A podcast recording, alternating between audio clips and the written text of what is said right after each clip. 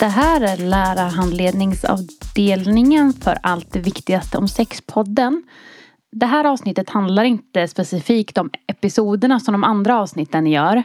Utan det här är lite mer övergripande tips och råd från oss. Och eh, en sak vi kanske måste börja med är ju att skolan är inte en särskilt trygg plats för ganska många människor. Och eh, sex och samlevnadsundervisningen riskerar att eh, göra det ännu värre för att det kanske innebär outning. Det kanske innebär inte så tydlig outning men som får dig själv att outa dig för dig själv kanske. Eh, vilket kan vara en konsekvens av att man är binär i klassrummet, att det bara finns två kön. Om man bara pratar om två kön så kommer det finnas personer i ett klassrum som inte känner sig hemma i den beskrivningen av rummet och då har rummet genast blivit otryggare. Och tryggare rum är någonting man skapar tillsammans.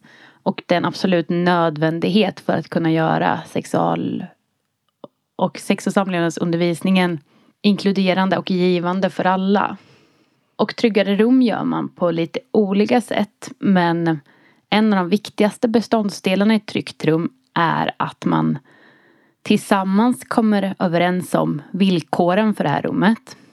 Att eh, till exempel att man måste räcka upp handen. Att eh, man får eller inte får bläppa med sin telefon.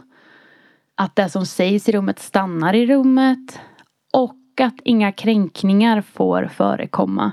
Och det är du som leder samtalet, dig som vi pratar till just nu, som har ansvar för att kränkningarna inte får förekomma.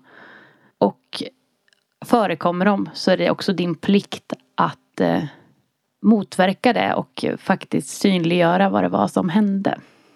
Och om man kommer överens om gruppregler eller gör ett gruppkontrakt i början där man bland annat säger att ja, men, inga kränkningar får förekomma så är det ju också lätt att hänvisa tillbaks till det här gruppkontraktet om kränkningar ändå förekommer. Men vi har kommit överens om det här. Förutom såklart att ja, men det är en del av skolans antidiskrimineringsarbete att kränkningar inte ska förekomma i skolan. Det är ju en sån självklarhet. En viktig del av det här med gruppkontrakt eller överenskommelse för samtalet är ju frågan om personligt och privat. Tänker jag. Att många uppfattar ju sex och samlevnad som ett väldigt privat ämne att överhuvudtaget prata om. Du ska prata lite grann mer om alldeles strax om det här med att vara privat. Men en bra inledning till det här är ju att säga att i den här delen av undervisningen så är vi, vi kan vara personliga, men vi ska inte vara privata. Vi ska inte prata om våra personliga erfarenheter eller icke-erfarenheter av det som ämnet handlar om. Däremot kan vi prata om våra personliga tankar och kanske ibland åsikter kring olika ämnen som kommer upp i den här delen av undervisningen. Vi vill inte att du är privat. Vi, du behöver inte berätta om dig själv och dina egna erfarenheter och eh, vad du gillar och vad som är dina preferenser utan håll det här sakligt på samma sätt som alla andra ämnen. Lika lite som att du i geografin behöver vara privat och berätta vilka länder du gillar och inte gillar och vilka som är här. Hit åker jag absolut helst på semester. Så behandlar du inte geografi. Så behöver du inte heller behandla sex och samlevnad. För det är inte vad som är poängen med det. Det blir också mycket lättare att det blir obekvämt och oskönt att eh, undervisa i det här ifall man går mer mot det privata hållet. Och då kan jag förstå att eh, många känner oro och rädsla kring det här ämnet. Att ja, då måste jag berätta om mig själv. Nej, det måste du verkligen inte göra. Utan berätta om det som ämnet föreskriver. Och genom att undvika att bli privat så sätter du ju också en standard för hur man kan prata om sex och samlevnad i klassrummet. Som gör att också de elever som inte vill dela med sig av sina privata erfarenheter, några kommer ju säkert att vilja det, Men att man då kan falla tillbaka på att men så här kan vi prata om sex och samlevnad. Vi kan prata om det som ett kunskapsämne och som någonting som vi kan dela tankar kring men inte behöver berätta vad vi har gjort eller inte gjort. Nej exakt och jag ser också att eleverna inte behöver bli privata i det här. Det finns ingen direkt anledning till att man ska öppna upp sig i den typen av rum. Ja, en annan sån här punkt som är hela vårt syfte med den här podden och det här arbetet vi har gjort.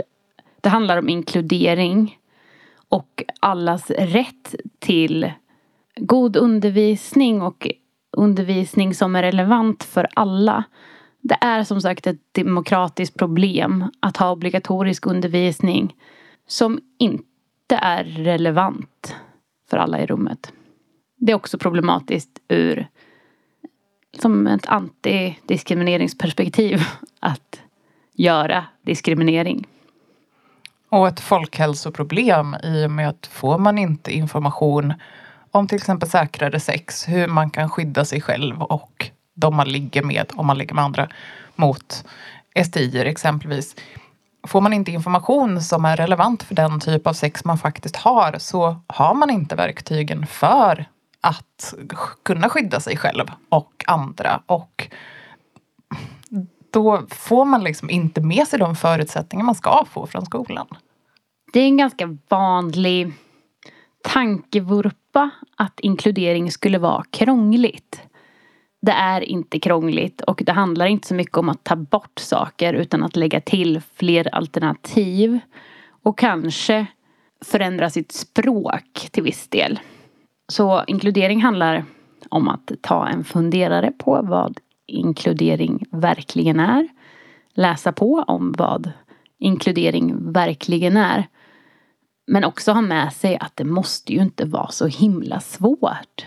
Utan öppna bara upp för lite fler perspektiv. I Allt det viktiga som sex gör vi inkludering på det sättet att den information som ges är relevant oavsett vilken kropp du har, vilken sexuell läggning du har, vilken könsidentitet du har och vilka sexuella praktiker du har. All information är fortfarande relevant. Och alla varianter är med. Ett sånt här klassiskt tips som vi brukar flagga för är bli bättre på att prata om sex om du inte redan är det. Öva dig i att säga ord, att använda termer och liksom hitta ett läge där det är bekvämt och som lärare så vill vi att du är saklig. Och hitta ett sätt som känns skönt för dig. Där du kan vara saklig och där du känner dig bekväm. Och för en del personer kommer det vara en övningsfråga att hitta dit. Och då vill jag uppmuntra er till att göra det som krävs för att hitta dit. Vi använder ofta när vi behöver mer generalisera vårt språk så använder vi termer som många upplever att många tycker att eh, det är en vanlig föreställning eller det är en vanlig känsla. Eh, som man mer generaliserar kring det snarare än att jag tycker eller det är väldigt mycket åt det här hållet. Eh, det kan vara väldigt bekvämt och väldigt bra och väldigt så här avdramatiserande att gå mot. Många tycker det är en vanlig tanke, det är en vanlig känsla. Många funderar över det här. Och det gör också att man kommer ifrån resonemang som handlar om vad som är normalt och vad som är naturligt. Det är ord som med stor sannolikhet kommer att komma upp. Om inte du som lärare eller skolpersonal tar upp så kommer antagligen elever att använda de här begreppen. Då kan man också problematisera och diskutera kring det. Vad betyder de egentligen? Normalt betyder egentligen att någonting följer normen. Då kan det vara mer korrekt att säga att men det här är väldigt vanligt eller många upplever det här. Medan naturligt handlar om sen, vad är det som faktiskt förekommer i naturen? Och som vi har varit inne på i avsnitten så är det ju det mest naturliga av allt är att det finns en stor variation och inte likformighet. En annan sak som är viktig i all undervisning, men i sex och samlevnad i synnerhet, är att upprätthålla normkritiken. Eh, för det kommer komma små normmackor glidande och vi måste vara medvetna om att de starka normerna i vårt samhälle, speciellt när det gäller sex och samlevnad så är det tvåkönsnormen, cisnormen, heteronormen, eh, sexualitetsnormer och penetrationsnormen kommer påverka vad man har med sig för förinformation in i rummet och då är det extra noga och extra viktigt att normkritiken finns där som ett neutraliserande filter så att inte de här normerna förstärks för det är lätt hänt att det blir så. I lustavsnittet så svarar vi lite mer på hur man svarar på sånt man kanske inte har svar på eller saker man inte håller med om. Saker man inte har svar på. Enkla svaret på det är att ta reda på svaret innan man svarar.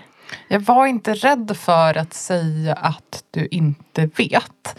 För att ja, dina elever kommer antagligen att förvänta sig av dig att du vet. Men det bygger också ett förtroende att säga när du faktiskt inte vet. Än att du säger någonting som eleverna sen kanske upptäcker inte alls stämmer. För vi stöter tyvärr ibland på att unga får information från skolan eller från exempelvis ungdomsmottagningen tyvärr ibland också.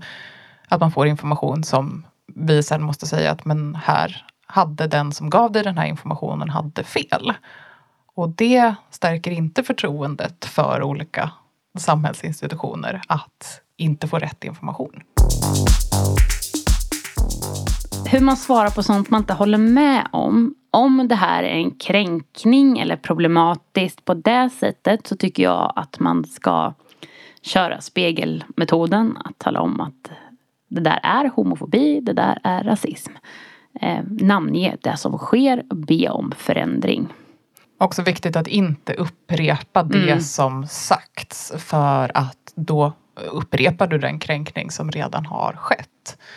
Det, det är tyvärr ganska klassiskt att man använder till exempel rasistiska begrepp för att förklara hur fel det är med rasism. Man kan förklara det på bättre sätt än att upprepa kränkande ord. Det är svårt att förhålla sig till saker man typ i sak som är åsiktsfrågor man inte håller med om. Ehm, mycket av det vi pratar om hbtq-rättigheter och rätt till information är trots allt ingen åsiktsfråga. Utan det är rättighetsfrågor och det är inte så mycket att inte hålla med om det ligger till så helt enkelt. Tyvärr stöter vi ibland på att människor tycker att det är inte bara kontroversiellt utan också politiskt att prata om hbtq-personers mänskliga rättigheter men hbtq-personers mänskliga rättigheter är ju inte annorlunda mänskliga rättigheter än icke-hbtq-personers utan det är inte en åsiktsfråga som du säger utan det är en faktisk fråga som handlar om allas lika värde oavsett sexualitet, könsidentitet, könsuttryck. Ja. Och jag tycker man kan luta sig Håll stadigt i diskrimineringsgrunderna så har du en bra kompass där.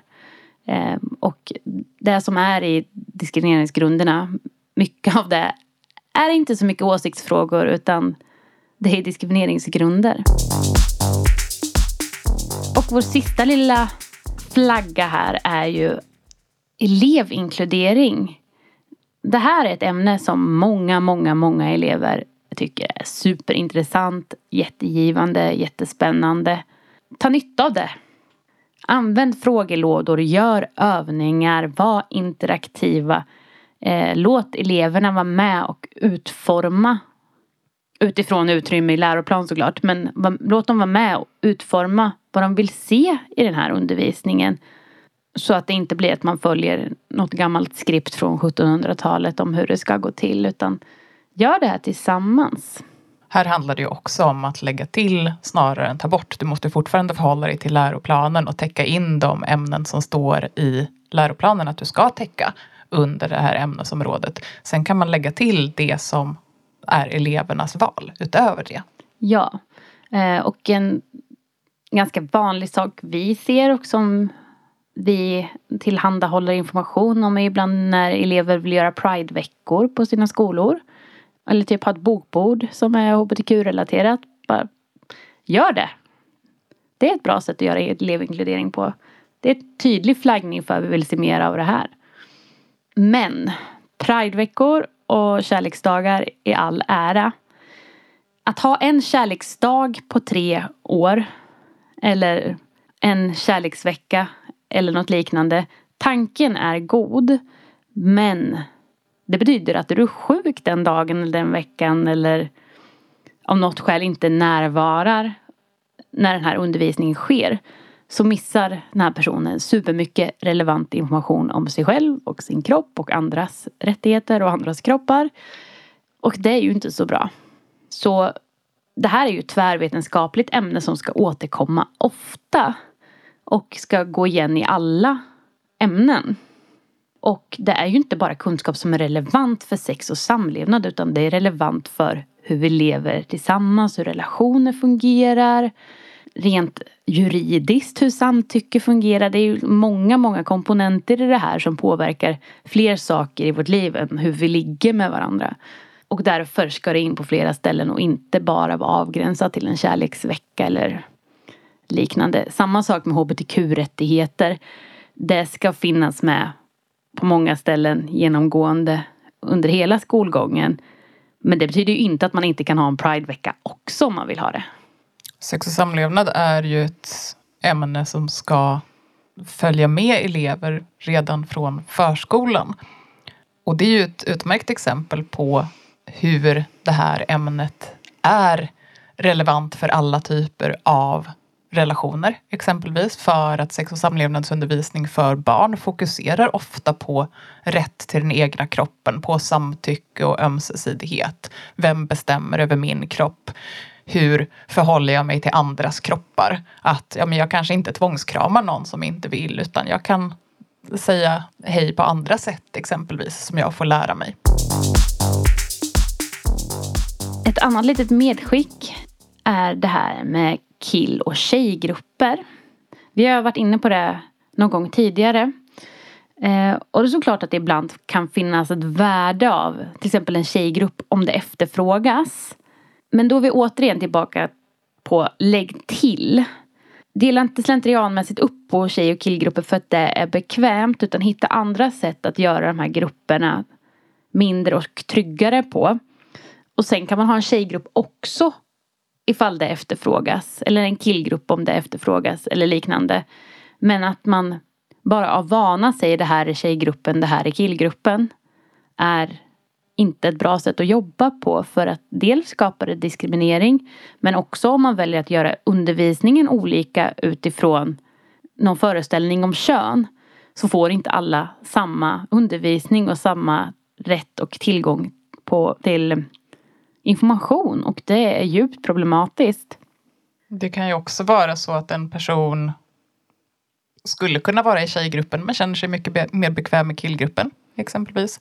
Eller om man är transperson så kanske man inte om man inte kan vara öppen så har man ofta inte möjlighet att välja den grupp som man faktiskt känner sig mest hemma i. Och är man icke-binär, ja då kanske varken kill eller tjejgruppen är relevant för en. Vi tänker att man kan dela in klasser i mindre grupper på andra sätt. Exempelvis gå efter klasslistan eller peka och räkna. Eller ja, men ska man ha en killgrupp och en tjejgrupp, ha i så fall en mixgrupp också. Dela in i tre grupper istället. Det finns många sätt att göra det här på men att så här, för enkelhetens skull bara dela upp på tjej och killar. Och prata porr i den ena gruppen och mens i den andra. Det blir inte så bra i längden.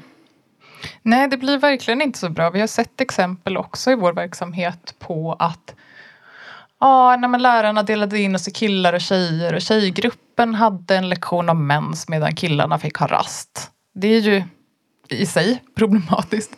Alla har ju rätt till information om mens. Alla kanske tycker att det är kul med rast.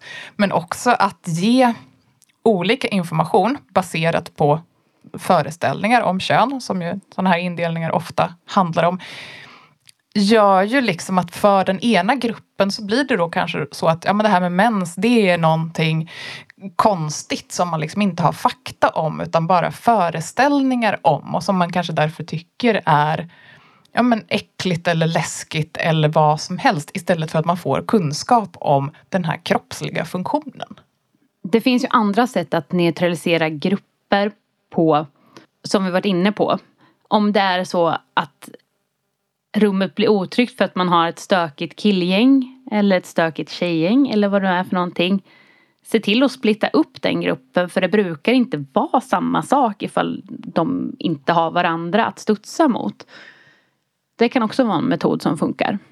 Samtidigt som man behöver vara medveten om man behöver förhålla sig kritiskt till den här tendensen att man sätter lugna tjejer som kuddar i ja. stökiga killgäng. Liksom, att man ska försöka inte åstadkomma den effekten här. Men det, det klarar man säkert av. Ja, det tror jag också. Vi har också hört berättelser om att halva klassen pratar om mens och den andra gruppen gör kondomer på gurkor. Och det är också problematiskt för alla skulle behöva kunskapen om mens och alla behöver kunskapen om kondomer och gurkor. Det är också någon sorts förväntan på vilket sorts sex de här som får hålla på med kondomer och gurkorna kommer hålla på med som inte är helt kanske inte helt verklighetsöverensstämmande och det är information som borde röra alla. Ja, som vi har pratat om i avsnitten så har ju alla ett ansvar att men alla har ett ansvar för kondomanvändning. Utforma inte heller sexualundervisning, vi har varit inne på det här tusen gånger men vi tar det en gång till utifrån förväntningar på hur folk har eller kommer ha sex. Var saklig istället och prata hellre om sexpraktiker snarare än homosex för homosex säger ingenting om någonting egentligen. Det säger möjligen någonting om identiteterna på de som har sex med varandra men säger ingenting om hur sexet går till. Så det man missar när man pratar om vissa sexuella praktiker som homosex är att den typ av sexuell praktik man syftar på kan ju också förekomma i olikkönade konstellationer där personer har sex. Ja, och det förstärker också förväntningar och normbildning om vilka som har sex hur, som i sin tur påverkar testning och så vidare. Så därför är det också viktigt att luckra upp de här föreställningarna. Ja, och en annan sak man missar när man pratar om homosex är ju Ja, det det möjligtvis, som du säger, säger någonting om är ju att personerna som har sex med varandra har samma könsidentitet. Men det säger ju ingenting om vilka kroppar som det faktiskt rör sig om. Att, ja, men pratar vi, säger man homosex mellan två killar, då kan ju en eller båda de här killarna ha fitta. Exempelvis om det är en transkille och en ciskille eller två transkillar som har sex. Ja. Så bort från den och prata mer om sexuella praktiker istället. Och det är också så himla smidigt för då kommer man till slemhinnorna och kroppsvätskorna och hela det paketet mycket lättare än om man ska göra någon annan krånglig omväg dit. Och ha med att alla personer faktiskt inte har sexlust och problematisera inte det. Om det inte är någonting som personen själv lider av så är det inget problem. Skapa inte problem där det inte finns några problem. Och ett sätt att motverka lidande hos personer som är asexuella. Som vi nämnde förut så är ju det som skapar lidande hos personer som är asexuella är ju förväntningar på att ha sex. Att de förväntningarna kan vara väldigt starka och göra att man, man kanske tänker att man är onormal eller att man pressar sig till att göra saker som man egentligen inte vill. Ett utmärkt sätt att liksom motverka det lidandet är ju just att problematisera normer som handlar om sex. Varför, varför tänker vi egentligen att alla ska ha sex eller att alla ska vilja ha sex? Och varför tänker vi att alla ska vilja vara kära och ha kärleksrelationer? Man kanske vill ägna sig åt andra, andra värdefulla saker i sitt liv. Sant. Gör undervisningen ämnesövergripande och låt ämnet komma upp här och där i många olika aspekter och det behöver inte alltid vara så himla krångligt. Här kommer en liten tipslista från oss. Till exempel matte. Det är ett vanligt ämne. Vi får frågor om hur ska jag få in det där då? Det finns ju faktiskt jättemycket siffror att kolla på. Det finns ju supermycket bra statistik från Folkhälsomyndigheten till exempel som uppdateras väldigt ofta så den är färsk och relevant. Då kan man kolla på antingen siffror för STIer. Man kan också kolla på BRÅ för siffror för sexuellt våld. Om man vill jobba med den typen av frågor. Man kan också samarbeta. Om man kollar på gonorré-statistik så kan man också samarbeta med naturkunskapen för att prata om antibiotikaresistens kopplat till det. Eh, och sen när man håller på och räknar ut hur många plankor man behöver till en veranda.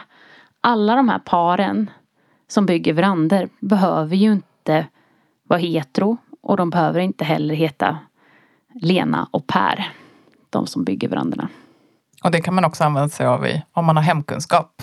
Paret som ska göra en hushållsbudget kanske ja, inte behöver ha Lena, behöver kanske inte vara Lena och Per. Eller det kanske är tre personer som bor tillsammans som ska göra en hushållsbudget. Precis. Eh, slöjd. Det är ett utmärkt tillfälle att prata lite grann om könsroller och normer kopplade till det. Eh, just nu har jag också sett ganska mycket på internet att det är rätt poppis att sticka och virka könsorgan av olika slag. Och det är ju toppen. Passa på att få in lite lustanatomi i det och du hittar mer information om lustanatomi på vår hemsida. Historia. Lysande tillfälle att kolla på hur normer skapas och reproduceras. Och då får man också en ganska lång linje om man kollar historiskt på hur det här har liksom fortplantat sig genom tiden. Och då kan man titta både på nutidshistoria med till exempel svensk abortlagstiftning eller hiv-epidemin i Sverige. Eller kanske avskaffningen av sjukdomsstämplingen för homosexualitet 1979. Eller kolla på hur den sexuella våldslagstiftningen har förändrats på senare tid. Och det går ju också in i samhällskunskapen eftersom lagstiftning är så normerande för vad vi tycker är okej och inte. Alltså att jag tror att väldigt många elever blir förvånade om man pratar om att förut så kunde man inte bli våldtagen inom äktenskapet exempelvis. Att så här har lagstiftningen kring sexuellt våld förändrats. RFSL Ungdom har också ett material som handlar om svensk transhistoria som man kan titta på. Och Forum för levande historia har gjort ett material om hbtq-historia i Sverige som är ja, men delvis interaktivt. Psykologi, om man läser det i gymnasiet så har vi ju hur mycket som helst. Eh, där kan man ju kanske till exempel prata om det här vi pratade om i ömsesidighetsavsnittet om svartsjuka. Det är ett bra ställe att stoppa in det på. Man kanske också kan prata om komma ut-processer och eh, psykologiska faktorer kring det och må bra-faktorer för människor. Man kan prata om hur olika typer av utsatthet kan förstärka varandra exempelvis. Och man kan prata om minoritetsstress som är ja, men den stress man kan uppleva om man bryter mot normer och på olika sätt blir utsatt i sin vardag eller begränsad i sin vardag på grund av det. Gympa. Eh, här är det ju perfekt att prata om kroppen igen. Kanske inte ur ett lustanatomiskt perspektiv men att prata om kroppen och funktion. Vi kan också prata om ideal och förväntningar och vem som kan göra vad. Och könsnormer, hur de begränsar rum för en del och gör rum mycket större för en del kopplat till idrott. Gör inte som min gamla gympalärare gjorde och peppa eleverna med att träna för att då kommer de att få ett bättre sexliv. Jobba gärna med frågeställningar kring vilka kroppar som förväntas vara vad och kunna göra vad. Det är ett bra forum att ta det i. Ett generellt tips är att ibland så är man ju fast med skolböcker som inte är så bra. Som man kanske måste använda för att man, det finns inga bättre eller man har inte råd att skaffa nya. Här har vi ju igen att ja, men det kanske finns material du kan kopiera upp och lägga till till de här skolböckerna och du kan också jobba kanske tillsammans med eleverna med källkritik. Att varför ser det här materialet ut på det här sättet? Varför har vi bara vita män i den här historieboken eller i den här litteraturhistoriska översikten? Fanns det inga andra? Jo, det gjorde det uppenbarligen. Vad är det som gör att vi inte kommer ihåg dem idag? I svenskan så vill jag tipsa om att det finns en nu har den några år på nacken, men en novellsamling som heter Synd med noveller skrivna av kvinnliga författare från förra sekelskiftet. Där mycket handlar om just lust, sexualitet, relationer. En del handlar om STIer faktiskt, bland annat om syfilisöverföring inom äktenskap. Bra tips. Och som sagt, om inte skolböcker är bra så finns det ju väldigt mycket organisationer som RFSL, RFSL Ungdom, RFSU, eh, Make Equal och liknande som gör material som oftast är billigt eller som man kan ladda ner eller som är väldigt tillgängligt på olika sätt som också kommer vara mycket mer uppdaterat än vad till exempel ett skolmaterial som har några år på nacken är. Och det är också ett billigt och bra sätt att eh, få material som är lite mer up to date. Så det var allt för det här avsnittet och ni får såklart alltid gärna kontakta oss på sexrfslungdom.se. Tack Vier! Tack Malin!